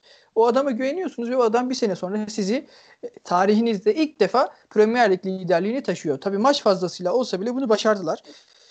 E, dediğim gibi gönül ister ki ilk 8'e girsinler. Fakat ben e, 9-12, 9-13 bandında Southampton'u bitirebileceğini tahmin ediyorum. E, bunun üstü benim için sürpriz olur. Ama şu görüntüyle yaparlarsa da ya daha doğrusu yapmaları da imkansız değil. Ee, yani Hazen Yutul gerçekten bir şeyleri daha değiştirmiş, oturtmuş görünüyor. Tabii bir an önce de Inks'in toparlan, e, takıma dönmesi lazım. E, bu noktada Che Adams'ın da sonunda golleri atmaya başlamasında Southampton'ın at başlaması da Southampton'ı e, toparladı. Yani geçtiğimiz yıl ilk 24 maçta gol atamamış olması da bir tuhaf. Yani düşünsenize 20, tabii evet. Neyse vazgeçtim. Şimdi Joe Linton'a gelecek konu çünkü. ya 20 milyon pound veriyorsunuz gol atamıyor diyecektim ama neyse. Aklıma Joe Linton geldi galiba. E, aynen öyle oldu. E, yani neyse işin özü gol atmaya başlaması iyi oldu Southampton için. Toparlayacak olursak beklentim 9-13 bandı. Gerçekten iyi gidiyorlar. E, ligi konforlu götürürler. Tıpkı az önce e, bahsettiğim Leeds United'dan bahsettiğim gibi ama üstü de kolay değil. Abi çok uzatacağım biliyorum ama ben de ufak bir şey eklemek istiyorum son tampına. Tabii. Ee, Buyurun. Çünkü ben de e, Bundesliga'yı çok yakından takip ediyorum ve Hasanütü'nün yani nasıl bir hoca olduğunu, ne beklediğini, ne istediğini biliyorum. E, Nagelsmann hiç olmasaydı, hiç var olmasaydı Hasanütü muhtemelen şu an e, Leipzig'le beraber Bundesliga'da zirveye oynuyordu ve Şampiyonlar Ligi'nde yine çeyrek finale çıkmış olurdu. Hasanütü gerçekten iyi bir hocaydı. E, Leipzig'ten ayrılmasının sebebi de tamamen Nagelsmann'ın e, potansiyeline yatırım yapmak istemesi e, Leipzig'in. O da anlayışla karşıladı. Bence çok çok iyi hoca ve Dean Smith mesela Dean Smith ayrılır diyorum da çünkü doğru oyun oynamıyor Aston ya. Bunu anlıyorsun mesela. Yani tamamen böyle Grealish veya işte Rose Barkley çıkıyor bir şey yapıyor. Hani en kötü en sıkışmış anlarda bile bireysel yeteneklerden e, bir şeyler arıyor. Abi Southampton öyle değil. Southampton'ın bir planı var. Bir şey oynuyor. Mesela e, topu bırakmak yerine orta orta blokta karşılıyorlar. İkinci kendi ikinci bölgelerinde karşılıyorlar. Orta blok presi yapıyorlar. E, kanatlarla açıyorlar oyunu. Daha sonra Dennings'e çıkarıyorlar. Dennings ceza sahasında topla buluşturmaya çalışıyorlar Dennings'i. E, Dennings de bayağı saçma sapan bir hal almıştı sakatlanana kadar. Bir daha bir bekler falan da iyi, iyi katkı veriyor yani. Ya Hazanütü bence bayağı saçma derecede bir hoca bence. Almanya'nın İsmet İnönü'sü Ralf Hasenhüttl'a selam çaktıktan sonra son 3 takımımız var abi. Ee, bunlardan ilkini ben kısaca değerlendireceğim. Diğer ikisini de size soracağım. İlk takımım West Ham. West Ham United'ı ben e, geçen sene de e, Moyes yönetiminde çok e, kötü bulmuyordum açıkçası. Yani pragmatik bir oyun oynattığını ve e, istediğini alabildiğini düşünüyordum. Bu sezonda benzer bir şeyi izliyorum sahada. Bence en iyi başardıkları şey oyundan kopmuyorlar bu sezon kolay kolay. En evet. önemlisini e, Tottenham karşısında gösterdiler. Her ne kadar son gol ola, e, olağanüstü kolay kolay atılmayacak bir gol olsa da o bir şekilde duran toplarla e, maçın içinde kalmayı başarıyorlar. Creswell'e büyük hayranlığım var bu sezon. E, bu yapı içerisinde müthiş kendisini öne çıkarıyor. Belli standardı yakaladıklarını, geçtiğimiz sezondaki e, yaşadıkları sıkıntıları yaşamayacaklarını düşünüyorum. Ama Aston Villa gibi benzer bir durum bence burada da geçerli. Potansiyeli bu mu bu takımın? Yani sanmıyorum. Biraz daha yüksek olması lazım sanki West Ham'in. Deyip e, Wolverhampton'ı Oğuzcan'a soracağım. Abi buradaki temel sorum şu. E, çok fazla oyuncu değişti Wolverhampton'da geçen evet. sezona göre. İşte Jota'yı, Doherty'yi vesaire başta sayabiliriz. E, yerlerini doldurdular bir şekilde ve aslında e, çok farklı bir görüntü çizmiyorlar. Ama e, bir taraftan da bakınca mesela Arsenal'ı ya da Arteta'yı kötülüyoruz. E, muhtemelen herkes övüyor. Aralarında bir puan var. Sadece bir beraberlik farkları var. Bu temel algı farkını yaratan şey ne sence Wolverhampton'da? Abi bence şu Wolves izlerken gerçekten Wolves'in ne yaptığını anlıyorsun. E, o da mesela oyun tarzı olarak Hasan Ülkü'ye çok benziyor. Rakipleri kendi ikinci bölgesinde karşılıyorlar. Orta blok presi yapıyorlar. E, ad, o mesela ceza sahasına çıkarmak yerine e, topu Raul Jimenez alıyor ve işte Adama Traore'ye e, varken Jota'ya şimdi Neto'ya tekerleme gibi oldu. Yani kanat, kanatlara çıkarıyor ve kanatlarla skor bulmaya çalışıyor. Yani kanatlar formda oldukları zaman da baya baya iş yapıyor. Saçma sapan derecede iş yapıyor. Ee, Adama Traore çok formsuz başladı. Ee, ve hani sol kanatta da bir Jota'yı bulamadılar. Yani Neto veya Podens birkaç maç iyi oynuyor. İyi oynadıkları maç oluyor ama ya hiç Jota potansiyelinde değiller en azından şimdilik. Ee, o yüzden biraz sıkışmışlık var ama dediğim gibi hani bir planları var ve ne oynadıkları belli. Yani en azından sahada görüyorsun ne oynadıklarını. Ee, ama ben Wolves'un geçen seneki veya ondan önceki çizgisine çıkacağını düşünmüyorum. Çünkü e, kadro kalitesi o zaman çok çok farklıydı ve e, hocanın tam yani hoca tam ne bekliyorsa tam onluk bir kadro vardı. E şimdi biraz daha farklı bir kadro var. Ee, hocanın istediği oyunu oynayabilecek mi emin değilim. Biraz da oyuncu kalitesi düştü yani. Çünkü mesela işte Dendonker'i stopere çekiyordun. Ee, orta sahada Moutinho şey yapıyordun. E, diğer Portekizli? Ruben Neves. Gerçi takımın yarısı Portekizli. şey Motinho, soruyor. şey e, mesela Motinho Ruben Neves yapıyordun. Ya şimdi mesela sto, sto, sol stoper Marçal oynuyor mesela. Ya küçümsemek için söylemiyorum da bundan 5 sene önce Antep'te oynamış adam. Hoş geçen sene de Şampiyonlar Ligi yarı finali oynadı ama ya kadro kalitesi gerçekten belli yani. yani. Hocanın istediği oyunu oynayabilecek bir atletizme sahip değil birkaç oyuncu. Mesela Neto da öyle. Neto da bayağı yalandan atlet. Yani çok şey böyle şey e, çalımları falan yani teknik bir oyuncu bunu anlıyorsun da Jota gibi böyle önüne atayım işte koşsun pres yapsın mesela öyle bir oyuncu değil yani Neto. Benim abi açıkçası kişisel olarak 3 isimden çok büyük beklentim var sezonun ilerleyen kısmında. Bir tanesi yeni transfer Semedo. Bence çok iyi de başladı ama tam olarak şeye e, nasıl desem tabelaya yansıtamadı ya da çok büyük etkisini gösteremedi. Zamanla artacak diye düşünüyorum. Alışır alışır kendi ülkesinde gibi.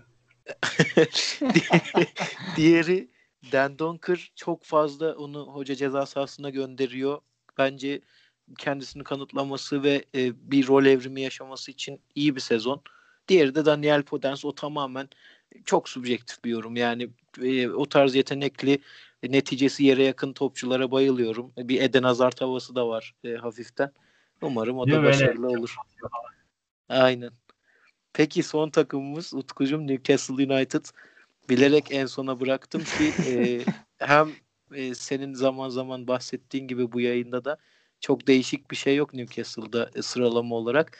Hem de senin anlatacakların vardır diye düşündüm. Direkt sana atayım ben pası. Ya abi ne story'inde ben anlatayım. ya ya mesela bir takım nasıl insanın moralini boza bu kadar bozabilir anlamak mümkün değil. Yani yayına girmeden önce mesela size zaten bahsetmiştim. Ee, Miguel Almiron'un takımdan ayrılabileceğini. Şimdi az önce okudum. Menajeri diyormuş ki e, kesinlikle takımdan ayrılacak. Olayın özü de şöyle. Miguel Almiron'dan giriş yapıp devam edeyim halde. E, menajeri Paraguay basınına konuşmuş sanırım. E, demiş ki Miguel Almiron'la Atletico Madrid ilgilendi ancak resmi teklif yapılmadı. Almiron topa daha fazla sahip olmak isteyen bir takıma gidebilir. E, bununla ilgili önümüzdeki Haziran ayında takımdan ayrılması çok muhtemel demiş. Son gelen açıklamada da diyor ki Premier Lig'deki takımlardan e, Premier Lig'in büyük takımlarından da ilgilenenler var. Kesin Arsenal'dır. E, yani ve ayrılacağına eminim demiş. Ya, moralim bozulmadı değil şimdi. Çünkü ben Almiron'u seviyorum. Oyuna katkısını seviyorum. Ama yapacak da bir şey yok. Adama hak veriyorum açıkçası gitmek isterse. Şimdi Newcastle'ın bu sezonu değerlendirecek olursak çok şükür e, gerçek bir golcüyle tanıştık Rondon'dan sonra. e, Colin Wilson e, yani bir abi gibi seviyorum o adamı artık. Çünkü özlemişiz ya. Sezon başında böyle 6 tane gol atmasını falan bir santrforumuzun. Forveti mi özlemişiz? Kesinlikle ya şunu söyleyeyim size. Geçen sezon Newcastle'ın en golcü ismi Premier Lig'de 6 golle Shelby'ydi ya. 38 maç nasıl orta saha oyuncun 6 golle en skorer olabilir? Ya biri bana bunu açıklasın. Yani mümkün değil ya. Hadi bile bu takımın geçmişinde Shearer var. E, Ferdinand var. Cole var. Owen var. Abi yani insanın canı sıkılıyor. E, ama e, ben şunu da şuna da inanıyorum. Bu sezon yapılan transferler gerçekten doğru transferler. Neden? Çünkü takımın yapısıyla uyumlu ve buna adapte olması kolay olacak transferlerdi. Ayrıca tabii ki de e, kadroyu genişleterek yedek kulübesini de zenginleştirdi. Özellikle Callum Wilson, Jamal Lewis ve e, Ryan Fraser hamleleri bu noktada ben çok kıymetli olduğunu düşünüyorum. Ayrıca Jeff Hendrick'in de yine bedelsiz olarak takıma katılması orta saha rotasyonunu çok güçlendirdi. Buradaki temel problem Newcastle'ın artık bunu menajer kaynaklı olduğunu da düşünebiliriz. Tavanı gerçekten çok net belli. Ne yazık ki e, bu takıma Messi'yi de getirseniz galiba ilk onu geçemeyecek bir yapıda artık. E, şu an aslında bunları anlatırken canım sıkılmıyordu. Şunu iddia ediyorum. Newcastle ilk sezon e, Premier Lig'e çıktığı ilk sezonda büyük bir küme düşme adayıydı. Sonraki sezon yine büyük bir küme düşme adayıydı. Geçtiğimiz sezon biraz bundan sıyrılmıştı. Bu sezon artık bu kadrosuyla tamamen bundan sıyrılıp biraz bir sonraki adımı atmalıydı. Fakat biz ısrarla e, sanki yani tek hedefimiz küme düş kümede kalmakmış gibi oynuyoruz. Yani bu oyunu benimsemişiz ve bundan vazgeçmiyoruz. Bence Newcastle e, biraz bu olaydan kurtulabilip kurtulup e, artık burada Steve Bruce'a değineceğim. Steve Bruce'tan bahsedeceğim. Evet güzel sonuçlar aldırıyor takıma zaman zaman fakat e, oyunu biraz daha pozitif noktaya taşıyarak e, Newcastle'ın tavanını daha üst seviyelere getirmeli. E, bu takımda Sam Maximen var. Bu takımda Almiron var. Bu takımda Wilson var. Bu oyuncuların savunma katkıları Sam Maximen'i gibi kenarda bırakırsak çok yüksek. Fakat e, yani bu kadar iyi hücumculardan e, Almiron'dan bahsediyorum özellikle. Sadece savunma katkısı beklemek çok anlamsız. E, biz bu yatırımı niye yapıyoruz o zaman? Sadece hücum iyi bir savunma yapan hücumcumuz olsun diye mi yapıyoruz? E, Wilson 6 gol atıyor ama e, burada iki zaten iki penaltı golü var ve kal, takımı kalanı gol atmıyor şu anda. Ve sadece tabii ki mesele de gol atıp atmamak değil. Oyundaki e, belirlenen sistem ve oyunun gidişatı. Yani hani ben insanlara çok hak veriyorum. Sıkılıyoruz diyorlar Newcastle'ı izlerken. E, haklılar. Ben bu takımı desteklemesem muhtemelen gerekmedikçe izlemem. Ya bunu da ifade edebilirim. Bir de yani gerek yok bu kadar e, oyunu negatifleştirmeye açıkçası. Şunu da anlamıyorum. Sürekli konudan konuya geçiyormuş gibi oluyorum ama sanırım Newcastle konusunda biraz dolmuşum. Yani bu takım nasıl bu kadar istikrarsız olur bunu da pek anlamak mümkün değil. İçeride Brighton'a 3-0 yenildiğinden bahsetmiştim yayının başlarında. Yani Graham Potter neden Newcastle yendin diye. E, bu maçı kaybediyorsun Tottenham'dan puan alıyorsun. Ondan sonra e, yeniyorsun Southampton'a hiçbir varlık gösteremeden 2-0 yeniliyorsun. Bu oyuncular maç mı seçiyorlar yoksa e, bizim sistemimiz sadece bazı takımlara karşı mı tutuyor yoksa şanslı mıyız? Gerçekten bunu anlamak e, artık beni yor, yoruyor anlamaya çalışmak.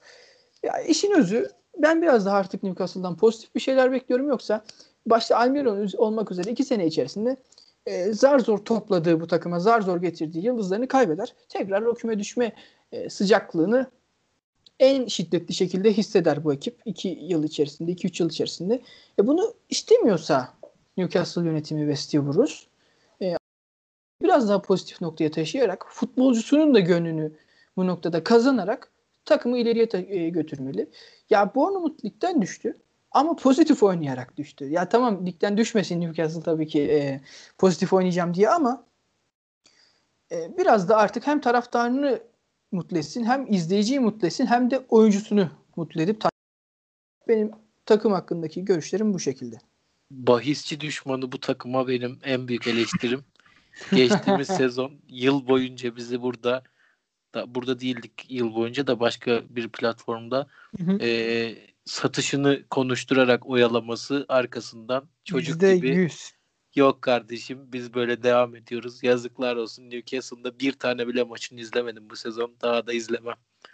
Ben de Utku'nun ardından bu kadar gereksiz yükseldim. Geliyoruz en e, eğlenceli yere ve yavaş yavaş bitireceğiz. Siz de yorduğumun farkındayım kusura bakmayın. Yok. Ben aşırı Ben- keyif alıyorum.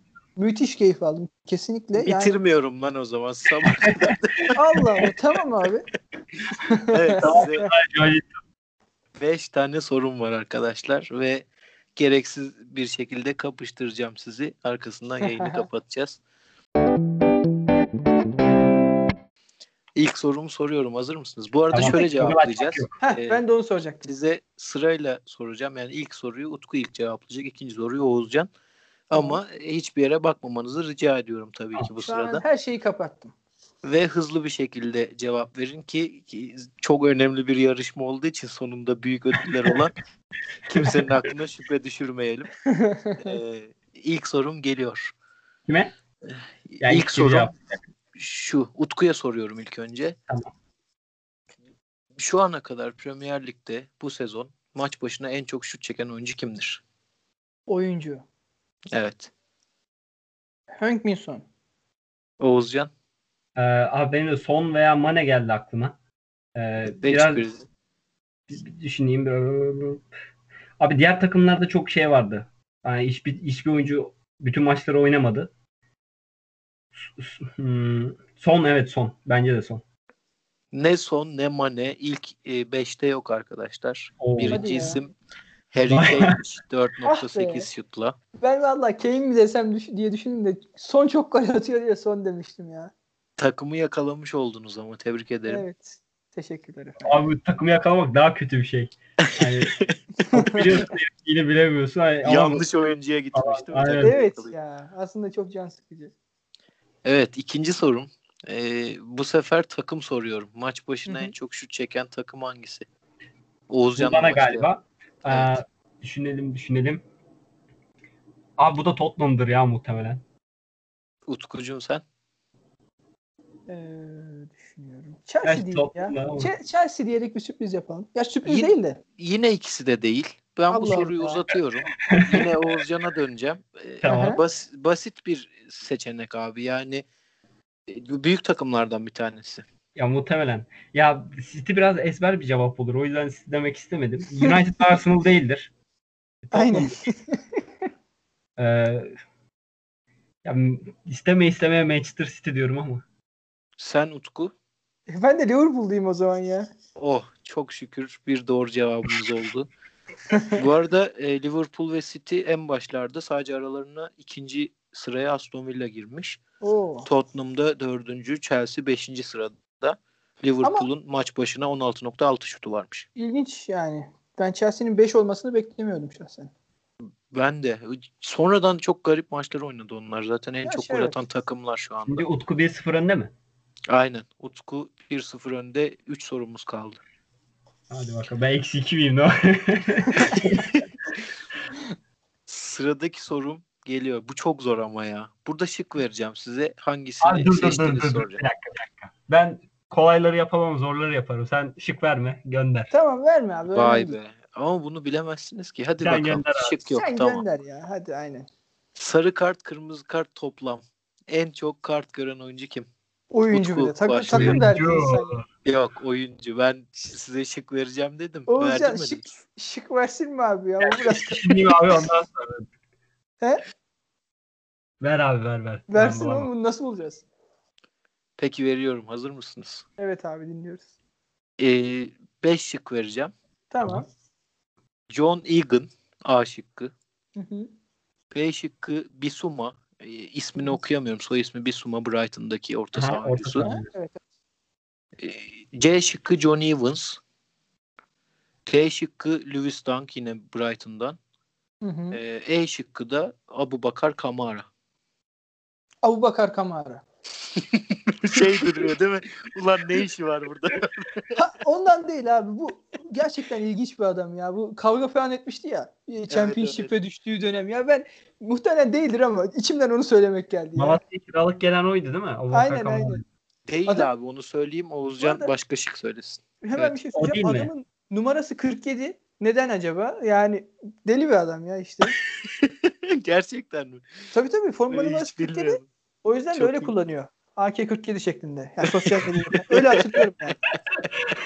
müthiş, müthiş. Ee, abi Levi Dunk değil ondan eminim çünkü Levi Dunk bayağı oynadı. Ee, varsa bir kırmızısı vardır. Ee, Bisuma çok oynamadı ama oynamamasının sebebi Aa, Graham Potter'ın manyaklığından yani Azate şey falan yapıyor. Lallana falan yapıyor orta saha ikilisini. Ee, ya ben öyle tahmin ediyorum. Diğer ikisini kimdi? John Evans'tı bir de John Egan. John Egan. Abi John Egan o kadar agresif bir oyuncu değil ya. Şimdi de oymuş. Ben şey diyorum ya. E, Bis- Bisuma diyorum. Çünkü o biraz da- dangalak giriyor topa. ya o Newcastle maçında kırmızı da görmüştü ya. Ben şimdi aklıma geldi o. Bisuma biraz dangalak giriyor topa. Evet evet. Yani şey Bu arada sert. değil maalesef yani. şey bir kart eksiği var. John Evans'tan. Dört Hadi ya. kartı var John Evans mı diyecektim tam ya. Ama bu sürpriz hakikaten yani bunu çok zor tahmin etmesi. Yani Evet. şıkka rağmen zor çünkü ben de Evans demezdim. Yani gerçekten bu sağlam soruymuş İbrahim Bey. İki soru kaldı değil mi? Evet 1-0'ı koruyorum. Tam bildiğim kesin. bilmem lazım. Şu an bir sayfa açık önümde. O kadar rastgele soruyorum ki. Yine kart soracağım. Ama bu sefer takım soruyorum. Az önceki e, soru biraz ışık olabilir size diye ufak bir tüyo vereyim. Benim En çok kart gören takımı soruyorum ama Hı hı. isterseniz şık da vereyim. Versin mi? fark et bence vermesin bu sefer ya. Tamam vermesin tamam. Hadi ver. ben? Oğuzcan başlıyor evet. Ee, abi şey Brighton. Net Brighton. Ya abi ben diyecektim ya. Değil Utku. Başka şey söyle. O değilse bir dakika yanlış bilirse bana geçiyor mu? Ha, bir dakika. Yanlış geçecek dersem geçecek geçer. sıkıntı Evet. yok. Be- beşinci sırada bu arada Brighton. Allah Allah. Birinciyle Ee, de 5 kart falan var fark aralarında. Evet 5 Allah kart var. Bir dakika az önce hangi takımları dedik? O zaman Leicester diyelim ya. İşte bu. Leicester- Tebrik Leicester ediyorum. Leicester. E, Fulham'la birinciliği paylaşmışlar ama Leicester'ı da kabul ediyorum. Hmm. 19 kart görmüş Leicester. ya bu arada çok merak ettim. Kamara kaç kart görmüş ya? Abi Abu Bakar Kamara 2 kart görmüş. Biri sarı biri kırmızı Galatasaray'da seneye. Kiralık değil mi? Kral. Son sorumu sorayım mı? Sor ya. Biraz formalite oluyor ama sor. Bir şey diyeyim mi? Bu yarışmayı ben kazandım abi. Kimse kazanamadı. Evet. Biz bayağı emin miyiz Premier Lig izlediğimizden? Bugünden Abi itibaren ben yine- Bundesliga'ya geçiyorum ya. Yine çok kazık bir soru soruyorum. Ee, tahmin etmesi güç mü? Bir düşüneyim. Bence güç yani. Ben bu takımı demezdim. Ama büyük bir takım cevap. Onu belirteyim. En çok hava topu kazanan yüzde olarak. Yani yüzde 60.2'ymiş Bunu bu arada. biliyorum. Bunu net biliyorum. Ee, Ben başla abi. Başla Oğuzcan başla. Ben mi başlayayım? Oradan Evet. başlasın aynen. Abi Arsenal bir kere yumuşak, orta sahası falan da yumuşak. Arsenal değildir. Gerçi Arsenal da çok bam gibi oynuyor. Arsenal kalsın. Hani, hani Chelsea net kesin değildir. Harbi net bilen adam şu an şık eliyor. Chelsea mantık yürütüyorum şu an. Hani sıkılmayın diye sesli düşünüyorum. Chelsea değildir. Chelsea yumuşak. City de yumuşak. Ee, Tottenham da öyle bam gibi oynamıyor. United ya da Arsenal arasında kaldım. Cevabım kim biliyor musunuz? Kim? Düşüneyim. Arsenal ya. Arsenal çok bam gibi oynuyor. Ben Manchester United diyorum. Yok ikisi de değil. İkisi de ilk Tamam. 5'te değil. Bayağı Beş-. 5'ten 1'e doğru sayıp size biri tekrar soracağım. Yani tamam. e, 4 sırayı size söylemiş olacağım. Tamam. 5. sırada Wolverhampton var. Hı hı. 4 Nice. Manchester City, 3 Aston Villa, 2 Everton E tamam. ve 1 büyük bir takım. Tottenham'dır o zaman. Tottenham'dır o zaman. Liverpool. Abi yazıklar olsun size Chelsea. Ya nasıl ya? Ya, Şike Chelsea abi nasıl ya. abi? Altı numarada Jorginho oynuyor ya. Bence Ve abi ben de tahmin edemezdim. Kante saçma. mante yok mu oğlum Chelsea'de yani? Abi, Çok... Bir de bayağı kısa boylu. Şöyle söyleyeyim. iyi ki e, programın başında yapmadık bu quiz'i. Ama bir dakika bu oran Kimse mı, bizden Premier? Bu oran olarak abi yani 10 hava topuna Aa. çıktılarsa 6'sını kazanmışlar. He, evet doğru. Soruyu Abi düzgün şu an hiç dinlesek. söylememişim gibi aa diyemezsin. Hayır ama Başta- şöyle yok yok haklısın. Sen başta söyledin de ben şöyle düşündüm. Hani mesela Arsenal biraz bam güm oynuyor. İşte Sheffield biraz bam güm oynuyor ya. Hani çok uzun Evet, top atıp onların çok oranı kazanmışlardır. çok düşüktür o yüzden. Oranı düşük ama o, aynen Sayısı çok oynadıkları için. Aynen. Evet, Evet. İyi. haklısın. İyi kötü matematik bilgimizi de bir şekilde ispat etmiş olduk sonunda. Bir soru daha yok mu ya? Güzelmiş. Bir, bir, Soru Bom. abi kalmadı öyle söyleyeyim. Hani Evet. Şu an önümdeki sayfada hiçbir şey yok. Asist kralı soracağım. Bunu Sağır Sultan biliyor. Harry Kane. peki ben, ben sorayım. Ben, ben, ben bir tane sorayım. Tabii. Ee, geçen sezonu yalnızca bir gol atarak tamamlamış Yıldız Forvet kimdir? Bir, bir gol mü atmıştı Utku iyi bilir.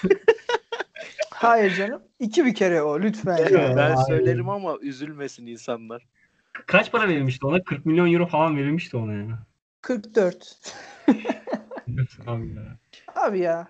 Niye bunu hatırlattın ki şimdi? Bu şey e, verdik işte ne yapacağım? Varmış para demek ki.